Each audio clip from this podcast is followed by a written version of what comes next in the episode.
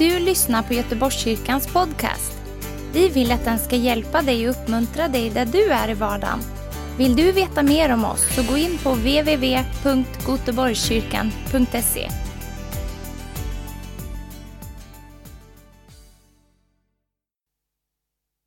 Denne Melkisedek var kung i Salem och präst åt Gud den högste. Han mötte Abraham på hans väg tillbaka efter segern över kungarna. Melkisedek välsignade honom och Abraham gav honom tionde av allt. Melkisedek betyder för det första rättfärdighetens kung och dessutom är han Salems kung, det vill säga fridens kung. Han står där utan far, utan mor och utan släktregister. Hans dagar har ingen början och hans liv har ingen slut. Han är som Guds son och förblir präst för evigt. Se hur stor han är, till och med vår stamfar Abraham gav honom tionde av sitt bästa byte. De av Levis söner som blir präster ska enligt lånen få tionde av folket, alltså av sina bröder trots att de också härstammar från Abraham. Men Melkisedek som inte var av deras släkt fick tionde av Abraham och välsignade honom som, had, som hade fått löftena. Inget kan förräkna att det är den längre som blir välsignad av den högre. I ena fallet är det dödliga människor som får tionde, i det andra är det en som som har fått vittnesbrödet att han lever. Och man kan säga att även Levi, som tar emot tionde, själv har gett tionde genom Abraham eftersom han fanns till som uppfödd i sin föräldrars kropp. Melkisedek mötte honom. Om nu fullkomlighet hade gått att nå genom den levitiska prästtjänsten och på den grunden fick folket lagen, varför måste det då uppstå en annan präst, en som Melkisedek, en som inte sägs vara som Aron? För om prästtjänsten ändras måste också lagen ändras. Han som det talas om hör till en annan stam och från den stammen har ingen gjort tjänst vid altaret. Det är tydligt att vår Herre har kommit ur Judas stam och Mose har inget sagt om präster från den stammen. Ännu tydligare blir det när det uppstår en annan präst som Melkisedek. En som inte har blivit präst genom lagbud och härstamning utan genom kraften i ett oförstörbart liv. Han får nämligen vittnesbördet, du är präst för evigt på samma sätt som Melkisedek. Så, så åsidosatt ett tidigare bud eftersom det var svagt och kraftlöst. För lagen åstadkom aldrig något fullkomligt, men ett bättre hopp har kommit och genom det kan vi närma oss Gud. Tack Senai och Lovisa för att ni läste upp eh, de verserna som jag ska predika ifrån idag. Eh, vi är ju inne i Hebreerbrevet.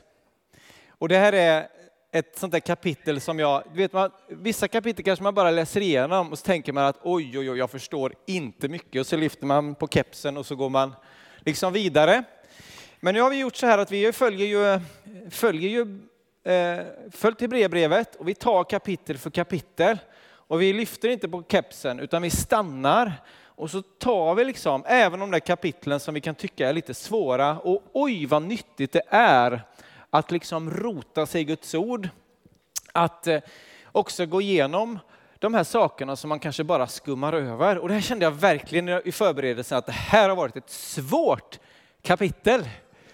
Men så nyttigt och så mycket det finns i de här verserna. Man förstår vilket djup vi har i Guds ord. Och kopplingen mellan eh, gamla testamentet, löftena, nya testamentet. Man förstår liksom hur, hur det nya förbundet har sina rötter så djupt ner. Då blir man så fascinerad. Och jag tycker att tron, jag vet inte om det är som har märkt det, att tron stärks när vi förstår att Gud handlar genom historien.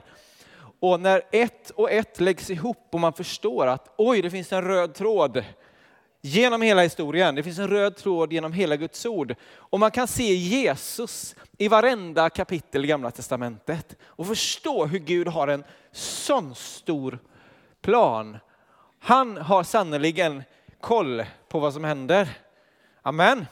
Så det ska bli jätteroligt att predika. Boris Nilsson heter jag för en av pastorerna här, ifall det, vi har några som är nya här och inte känner mig. Det ska bli jätteroligt att få ta en stund tillsammans med er här i de här 19 verserna från Hebreerbrevet kapitel 7 och du får gärna slå upp din bibel om du vill hänga med där också. Melkisedek. Vem är denna Melkisedek? Det är ett märkligt ord. Jag känner ingen som heter Melkisedek. Jag vet inte, jag skulle inte gett det namnet till mina barn, men det kanske finns någon som heter det. Ja. Eh, I alla fall, Melkisedek. Han nämns två gånger i Gamla Testamentet. Man kan hitta honom i första Mosebok och det är när han möter Abraham och det är det vi kommer att fokusera kring och som de här verserna faktiskt relaterar till. Eh, men vi kan också läsa i psalm 110. Eh, David skriver också Eh, eh, om Melkisedek i psalm 110. Där då. Och Melkisedek, man kan säga att han pekar på Kristus och han är en förebild på Kristus. En slags profetisk person eller gestalt eh, till Kristus, till Jesus Kristus helt enkelt. Och hur kan man se det? Jo, det finns flera punkter som pekar på det. Bland annat att han är, var präst, en evig präst. Det står att han i vers 3 att han har ingen början, han hade inget slut. Precis som Jesus, Guds son, alltid har existerat. Han har ingen början, han har inget slut. Så var också Melkisedek som kom här till Abraham eh, och välsignade honom. Det står att han hade liksom ingen början, inget slut. och Han var präst. Eh, vi kan också läsa att den högre representerar här Jesus då som välsignar den lägre Abraham. Så vi kan också se att eh, han representerar någonting som är högre än det jordiska. Och sen läste vi, läste vi också att eh, eh, han kom utifrån. Han var liksom inte kopplad till denna jorden på det sättet utan han hade liksom ett, han kom bara plötsligt och så välsignade Abraham, precis som Kristus kommer utifrån till denna världen.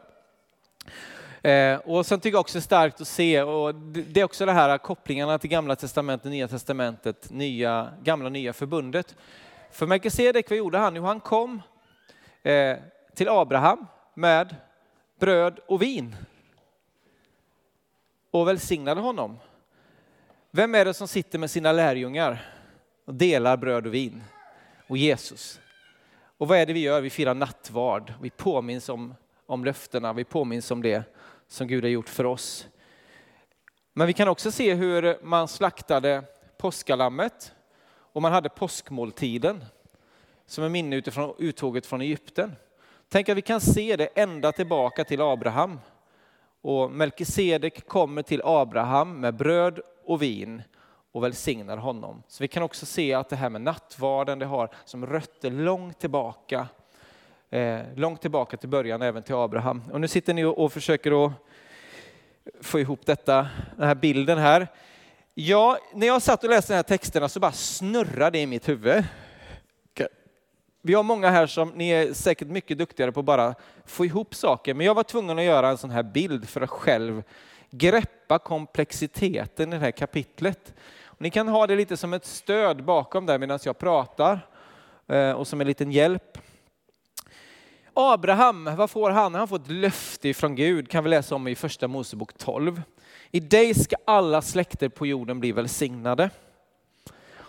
Och efter han har fått det här löftet så kommer Melkisedek och han välsignar Abraham. Och vad händer då? Jo, eh, Melkisedek ger välsignelse till Abraham och Abraham ger tionde. Alltså det bästa av, eh, eh, av det han hade. Av djur, av det han hade. Liksom, det som han hade det gav han, gav han 10 procent av. Och sen kommer ju ja, löftet ges till Abraham. Vi har Abraham, Isak, Jakob och så vidare. Och sen kommer lagen genom Mose. Och ehm, Israels folk får lagen. Och vad är lagens syfte då för någonting? Jo, man kan säga att lagen den pekar ju på synd och det pekar också på en, en väg till försoning, att få det rätt ställt med Gud igen. Och lagen är också en skuggbild, eller pekar fram på Jesus. Det är en förebild på Jesus. Så när man läser i Moseböckerna om offertjänsten, den överste prästen som gick in en gång om året, offrade för folkets synder. Allt det här som, som Mose får, lagen, allt det här pekar ju fram på, på Jesus Kristus. Abraham får löftet, sen kommer lagen, pekar på att vi är syndare, att vi behöver någon som eh, hjälper oss med det här problemet, som skapar försoning och bringar försoning till folket. Överste prästen gör detta. Han, eh, han eh, slaktar ett felfritt lamm och på det sättet eh, kommer man inför Gud, in i det allra heligaste med ett offer för att skapa och ge försoning till folket. Och vad är det här en bild på? Det här är ju en bild på Jesus rakt igenom. Så när man läser lagen, Mose lag, så förstår man att allt som är liksom satt där, det pekar bara fram hela tiden på Jesus och på det som han sen gör på korset. Han är det felfria lammet som dör på korset för våra synder och för vår skull. Och nu kan vi titta på den här bilden då. Abraham får löftet. Så kommer Mose med prästtjänsten. Och prästtjänsten, vad gör det? Jo, det pekar fram på Jesus Kristus. Och nu är Israels folk här då. Och det som jag tror Hebreerbrevet och författaren här vill säga till hebreerna, det är att vi är inte längre kvar i lagen. Lagen hade sin funktion, lagen hade sin tid, men den är nu fullbordad i Jesus Kristus. För vad ville de göra? Jo, de ville, ville leva kvar i lagen och trodde att det var det som var slutmålet. Men vad var lagen? Jo, det var ett medel. Det var någonting som pekade på något mycket, mycket större. Och vad gör nu författaren här? Jo, han pekar tillbaka till Abrahams löfte och han tar Melkisedek som var någon slags, alltså för oss är det bara, vem allsin har Melkisedek? Men för hebreerna var ju Melkisedek något som de hade, de visste precis vem det var. Det var, det var någon som liksom levde med dem i historien, som de hade fått berättat för sig. De förstod precis vad det handlade om. Abraham, vår stamfader. Så för dem var det ingenting konstigt här att eh, författaren använde Melkisedek för ett sätt att förklara. Hade någon förklarat för oss någonting idag, Alltså, vi har ju andra liknelser, andra paralleller. Jag vet inte, jag kanske har använt Spiderman eller någonting för att förklara för den unga generationen. Han kom någonstans ifrån, man vet inte riktigt vem han är ja, och så vidare. Men här, Melkisedek var ju liksom någon som de förstod direkt att det här har med Abraham, det kom innan lagen. Och vad hände? Jo, Abraham, han blev välsignad av Melkisedek som en kung och en präst för evigt. Vem är kung och präst för evigt? Jesus Kristus. Han är både kung, han är också översteprästen. Och Abraham gav också tionde, han offrade det bästa han hade till Melkisedek. Och vad gjorde Israels folk? Jo, de gav tionde till leviterna, till prästerna. Och då, nu får vi titta här då. Och vad menar de, menas nu med de här verserna då? För här står ju att, att Jesus kom inte från Levis stam, utan han kom ifrån Judas stam. Och var, varför var han inte från, från, från Levis stam här nu då? Nu ska vi titta så jag inte kommer bort mig. Prästtjänsten var Levis stam som stod för, för det var ju Abrahams barnbarns barn och de som kom sen i nedstigande led ifrån den, liksom den juda, eller från Levis stam. Det var de som var överste präster. Och det var de som liksom utförde prästtjänsten i Mose lag. Och folket gav tionde till prästerna. Jesus han kom ur Judas stam och det kan vi läsa om i Jesus släkttavla och det är lite intressant också i Matteus 1 att att faktiskt att de där sakerna finns med, de här släkttavlan som kan kännas som att åh, det är bara rabblande av namn. Men varför finns de med? Jo, det är ju för att peka tydligt på faktiskt att Jesus kom ur eh, Judas stam. Och varför gjorde han det? Jo, för att det finns löften. I psalm 78 kan vi läsa, men Judas stam utvalde han Sions berg som han älskar. Han byggde sin helgedom hög som himlen, grundade den likt jorden för evigt. Och av olika anledningar så räknades Juda som förstfödd. Och det kan vi läsa också om när Jakob välsignar och ger sin välsignelse över sina söner. Så de andra sönerna innan, de hade gjort olika saker som gjorde att de på något sätt förlorade den välsignelsen och därför så utväljer han istället Juda som räknas för förstfödd. Och här kan man också se sen hur, hur, hur Juda då liksom eh, blir stamfader till Jesus Kristus. Då. Och vad var det han pekade på här? Jo, Melkisedek, han kom liksom utifrån. Jesus han kom utifrån, han kom inte ifrån liksom leviterna utan han, Judas stam sköt upp där. Precis som Melkisedek bara kom från ingenstans. Han var evig. Och det är också ett sätt då som eh, författaren försöker bevisa eller förklara för hebreerna att de hade fastnat vid att liksom vi i lagen och förstod inte att löftet fanns långt innan.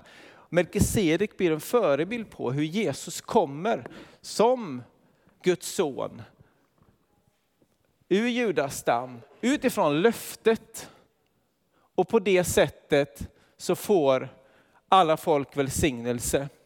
Och då blir Jesus den överste präst, om vi är över på vänster sida, som uppfyller löftena och lagen i sin person. Och då har vi pilarna upp ner. Melkisedek kan bli en förebild på Jesus Kristus då. Så man kan se likheten här. Så egentligen hela det här kapitlet är ett sätt att försöka förklara, på ett sätt överbevisa, förstå att ni fastna inte i lagen. Det var bara ett sätt och, ett, eh, och en del i historien, men det är inte slutmålet. Lagen pekar på synd.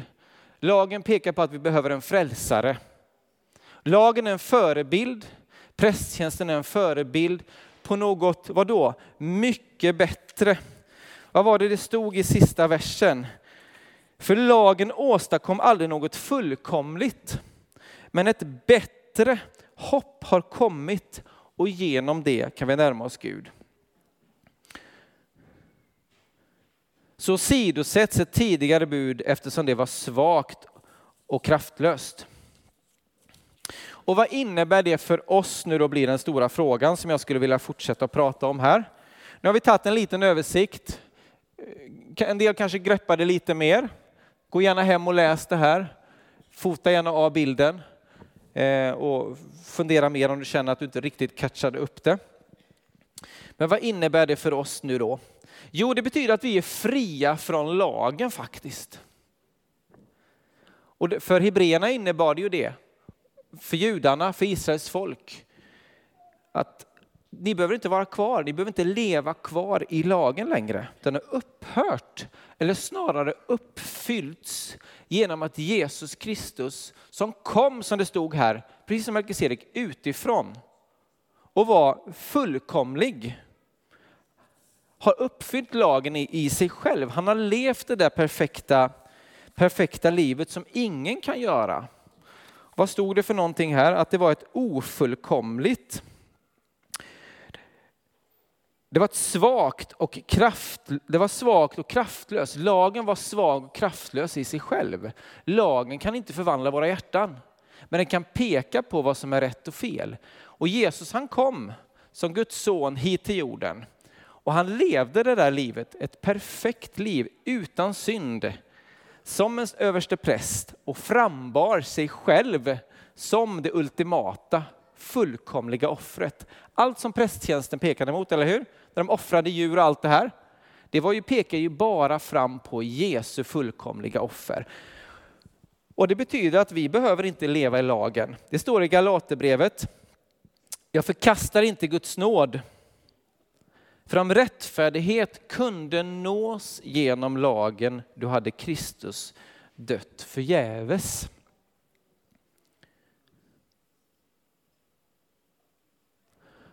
Och Kristus har inte dött. Jesus har inte dött. Han har inte gjort allt det här för att vi ska gå runt och känna, är vi tillräckligt bra? Når jag upp till Guds standard? Jag tror att det är tillämpningen för dig och mig idag. Och jag tror att det är många gånger där vi hamnar. Att vi kommer in i lagiskhet fast vi inte liksom lever efter Israels, eller förstår kanske fullt ut lagen i Moseböckerna, så kan ett lagiskt tänk, ett prestationstänk komma in i våra liv. där det är som att vi går tillbaka till att leva under lagen. Jag tror att flera av oss kan känna igen ängsligheten eller känslan av, har jag presterat eller lever jag tillräckligt bra kristet liv för att Gud ska tycka att jag är okej? Okay? Vad är det för någonting? Det är inte Guds nåd och friheten i Kristus, utan det är ett gammalt prestationstänk som så lätt kommer över oss och det är ett lagiskt tänk. För i Kristus är vi fullständigt godkända. I Kristus har vi fått försoning och förlåtelse. I honom kan vi vara så trygga. Sen har vi också ett bättre hopp då. Det var ju faktiskt rubriken för min predikan idag. I Galaterbrevet 5 så fortsätter det att talas om den här friheten vi har i Kristus. Till denna frihet har Kristus gjort oss fria. Stå därför fasta och låt er inte tvingas in under slavoket igen. Lyssna, jag Paulus säger er, om ni låter omskära er kommer inte Kristus att vara till någon hjälp för er. Jag försäkrar er igen, var och en som låter omskära sig är skyldig att hålla hela lagen. Ni har kommit bort från Kristus, ni som försöker bli rättfärdiga genom lagen. Ni har fallit ur nåden. Vi däremot väntar i anden genom tron på den rättfärdighet som är vårt hopp. Jag såg eh, när jag, jag var och lunchade på ett ställe här för några veckor sedan och stod TV4 på. Eh, och så visade de ett nyhetsinslag där det stod att unga ser allt mörkare på framtiden. Och så satt, jag vet inte exakt vilka åldersgrupper eller hur den här undersökningen hade gått till. Eh, men siffrorna de presenterade där, det var att 2014, vad blir det, nio år sedan? Ja, det blir det ja. Då såg 43 procent ljust på samhällets framtid. Och så har de gjort en undersökning nu 2022, då, nio år senare. Det var 43 procent som såg ljust. Nu var det 19 procent, en halvering av unga idag som ser ljust på framtiden. Jag tänk, tänkte jag, och det här är ju bra till predikan. För det här handlar ju om, om, om man ser hopp eller inte. Förra eh, söndagen så predikade Christian om eh, kapitlet innan, om själens ankare som når innanför förlåten, vårt eviga hopp. Och jag tänker så här, det finns sannoliken bra och dåliga saker att sätta sitt hopp till. Det finns dåliga saker. En, en av de sakerna, det, det står i första Timoteus, det är ju att sätta vårt hopp till rikedom. Vi ska inte sätta vårt hopp till något så osäkert som rikedom, utan till Gud som rikligt ger oss allt att njuta av. Och hur mycket hopp vi ser, kan det vara så att det beror på vad vi sätter vårt hopp till? Vad vi bygger vårt hopp på, vad vi bygger vår framtid på, vad vi bygger vår grund på. Har vi ingen grund att stå på i livet så är det väldigt svårt att känna framtidshopp och man känner att allt bara gungar under fötterna eller det är bara som att man går ut i kvicksand eller ut i en sån där mosse liksom, där det bara sjunker under fötterna. Jag skulle vilja säga om vi sätter vårt hopp till oss själva då är det inte mycket att hänga upp det på, eller hur? Men om vi sätter vårt hopp till någonting annat, någonting som består, då har vi ett mycket bättre hopp. Om vi sätter vårt hopp till lagen i sig, då har vi inte mycket att sätta vårt hopp till. Även om det ger ett hopp. Och vad gav, vad gav lagen hopp om? En kommande frälsare. Men vi har ett bättre hopp. Och varför har vi det? Jo, för vi har en frälsare som har kommit. Det är ett bättre hopp, för Jesus har fullbordat lagen i sig själv. Nu blir det tydligt va? Hebreerna ville leva kvar i det hoppet om en kommande frälsare. Men här pekar författaren på, men det finns ett bättre hopp.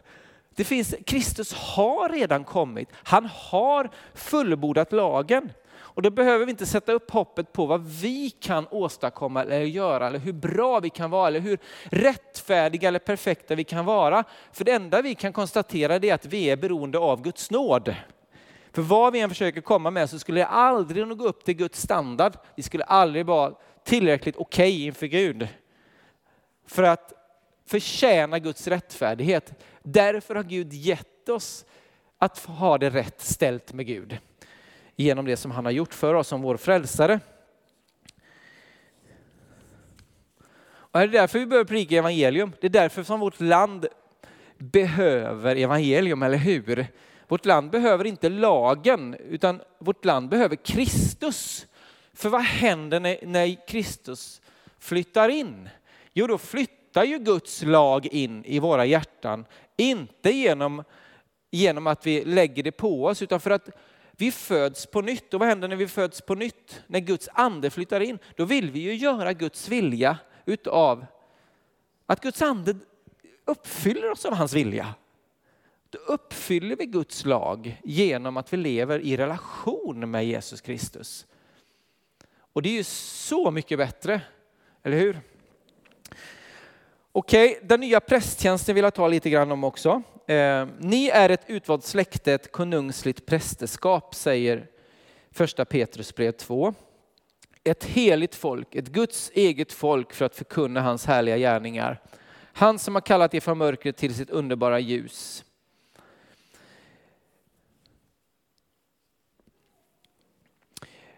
Det är så fantastiskt att vi har faktiskt blivit präster. Varför, varför och hur då? Jo, I Gamla Testamentet under lagens tid, då var det ju överste prästen som frambar offer till Gud. Och romabrevet, vad säger romabrevet? Att vi ska frambära oss själva som levande offer. Och första Petrus säger att vi är alla insatta i en prästtjänst. Och vad har vi då för offer vi ska frambära? Jo, vi ska frambära oss själva. Och det offret är ju inte ett offer där vi ska liksom försona oss själva med Gud, för det fullkomliga offret, det har ju Jesus redan framburit sig själv. Så att offret som vi har att komma med, det är ju vår otillräcklighet. Det är ju de vi är. Frambär oss själva inte som ett dödat offer, inte som ett slaktat djur, utan vi frambär oss själva som ett levande offer. Det ska vara vår andliga gudstjänst. Så därför har vi fått något fantastiskt. Vi har fått liksom ett prästerskap och vi kan förmedla Guds nåd till andra människor. Vi kan få förmedla evangeliet, vi kan få, få förmedla försoning. Inte utifrån att vi ger något som vi har i oss själva, utan vi ger vidare Jesus till andra människor och det som han har gjort. Sen tycker jag också att vi kan inte hoppa över det intressanta med tiondet. Och här pekar också tiondet tillbaka. Man kan tänka att tiondet, nej men det är ju lagiskt och det har med lagen att göra. Men här kan vi faktiskt se att tiondet, det kom långt innan Mose lag. Det fanns redan eh, i och med löftet som Abraham fick. Och hur kan vi se det? Jo, Abraham han gav tionde till Melkisedek som representerar Kristus. Därför kan vi frimodigt faktiskt också uppmuntra ett, en livsstil där vi ger tionde. Där vi ger 10 procent av det bästa. Vi ger 10 procent av det vi har och vi lever i en sån, sån livsstil. Det är därför som vi också uppmuntrar som församling att vara med och ge tionde in i församlingen och det är så vi liksom finansierar, man ska säga, har ekonomi, gemensam ekonomi att man ger 10 procent. Så jag tänker det är en viktig bit att många gånger tänker vi att bara för vi inte lever under lagen längre så har tiondet upphört. Men här säger till och med Jesus att vi borde göra det ena utan att försumma det andra. Och då menar han att vi ska ge tionde, men vi ska inte glömma rättvisan, barmhärtigheten och troheten. Matteus 23. Det ena borde ni göra utan att försumma det andra. Okej, vad kan vi mer göra? Vi börjar gå mot avslut. Vi kan närma oss Gud, förstår vi, och det säger också den sista versen. Genom det här bättre hoppet så kan vi närma oss närma oss Gud.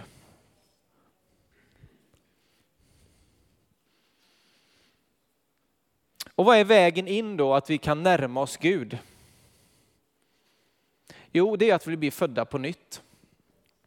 Det är omvändelsen. Och vad är det omvändelse från? Och döda gärningar. Att vi själva försöker att vara tillräckligt bra för att vi ska förtjäna Guds nåd. Och jag tror att där behöver vi komma till en punkt där vi förstår att jag behöver Guds nåd i mitt liv. Jag omvänder mig inte för att, ska man säga, jag gör det av kärlek. En respons till det Jesus redan har gjort för oss. Där vi förstår att han har dött, han har dött för mig, han har gjort allt. Och då kan jag omvända mig från delvis mina synder, men också från mina egna försök, ifrån la, egna laggärningar där jag försöker att leva upp till Guds standard. Och vad händer då? Jo, då flyttar ju Guds ande in i våra liv. Och jag märkte det så tydligt själv när jag tog emot Jesus. Jag förstod ju inte förrän Guds ande kom och uppenbarade Jesus för mig. Och då förstod jag ju att när Gud flyttar in, och, det märkte jag, då blev det liv. Det blev en levande gudsrelation. Jag fick börja frambära mig som en levande offer som står i Romarbrevet. Men jag tror, är vi, är vi inte födda på nytt så är det väldigt svårt, omöjligt att leva ett kristet liv.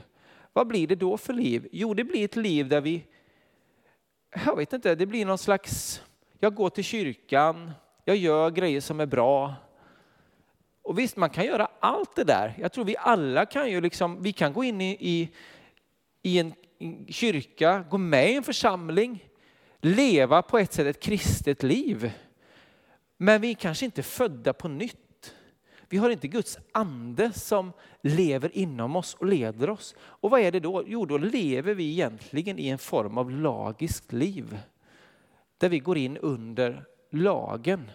Där vi sätter oss själva i centrum och tänker att nu ska jag leva ett kristet liv. Men då har vi ju fullständigt missat hela grejen. Och jag tror, jag har märkt så här, när en människa föds på nytt, det händer någonting. Visst, det kan vara en process under många, många år. Men pånyttfödelsen, det kom, alltså då kommer det liv. Så var det för mig. Det bara, jag fick ju bara längtan att berätta om Jesus. Jag slutade svära. Liksom det, min livsstil bara ändrades som en frukt av gemenskapen med Gud. Lagen hade flyttat in i mitt hjärta genom att Guds ande bor där som är överensstämmer med lagen. Lagen är ju liksom inte i opposition mot Gud, för lagen är ju Gud. Skillnaden är bara att att Jesus har uppfyllt lagen och lagen flyttar in i våra hjärtan och därför får vi en relation med Gud. Tidigare var det bara översteprästen som kunde gå in en gång om året och liksom vara i det allra heligaste, i Guds fullkomliga närvaro.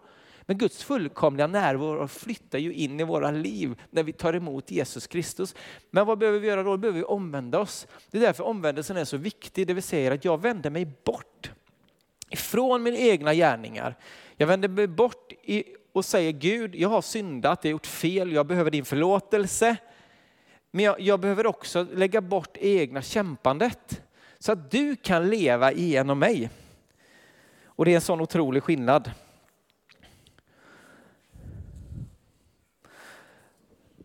Så nu ska jag avsluta med att bara ge en, liksom, några konkreta inbjudningar till dig. Och det är att omvända dig om du inte har gjort det. Att ta emot Guds nåd, ta emot Jesus i ditt liv. Men jag tror att många av oss här inne också har ett behov av att lägga bort egen prestation och lagiskhet i våra liv och släppa det. Att vi, vi ska bara få vara trygga och veta att Gud har gjort allt för dig och mig. Ifrån det utflödet kan vi sen både läsa Bibeln och be, tjäna, betjäna andra människor, göra saker i kyrkan, vittna om, människor, eller liksom om Jesus för människor. Men inte utifrån prestation utan från andens liv i oss. Och jag tror vi ska ta en stund här och att mm, stunden som blir här nu att bara ge möjligheter vi bara får lägga ner. Gud, jag lägger ner min egna försök att liksom prestera din, ditt godkännande bara ta emot Guds godkännande.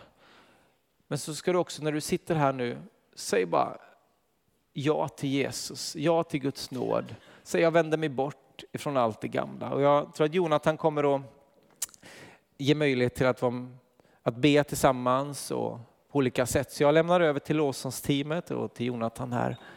Och sitt med ett öppet hjärta och låt Gud få betjäna dig. Tack för att du har lyssnat. Dela gärna podden med dina vänner och glöm inte prenumerera. Om du har frågor eller vill att vi ska be för något så mejla oss på info På söndagar har vi veckans höjdpunkt. Då firar vi gudstjänst tillsammans och det vore så kul att träffa dig där. Men vi är även samlingar för barn då? Gå in på vår hemsida goteborgskyrkan.se så får du veta mer. Välkommen till oss!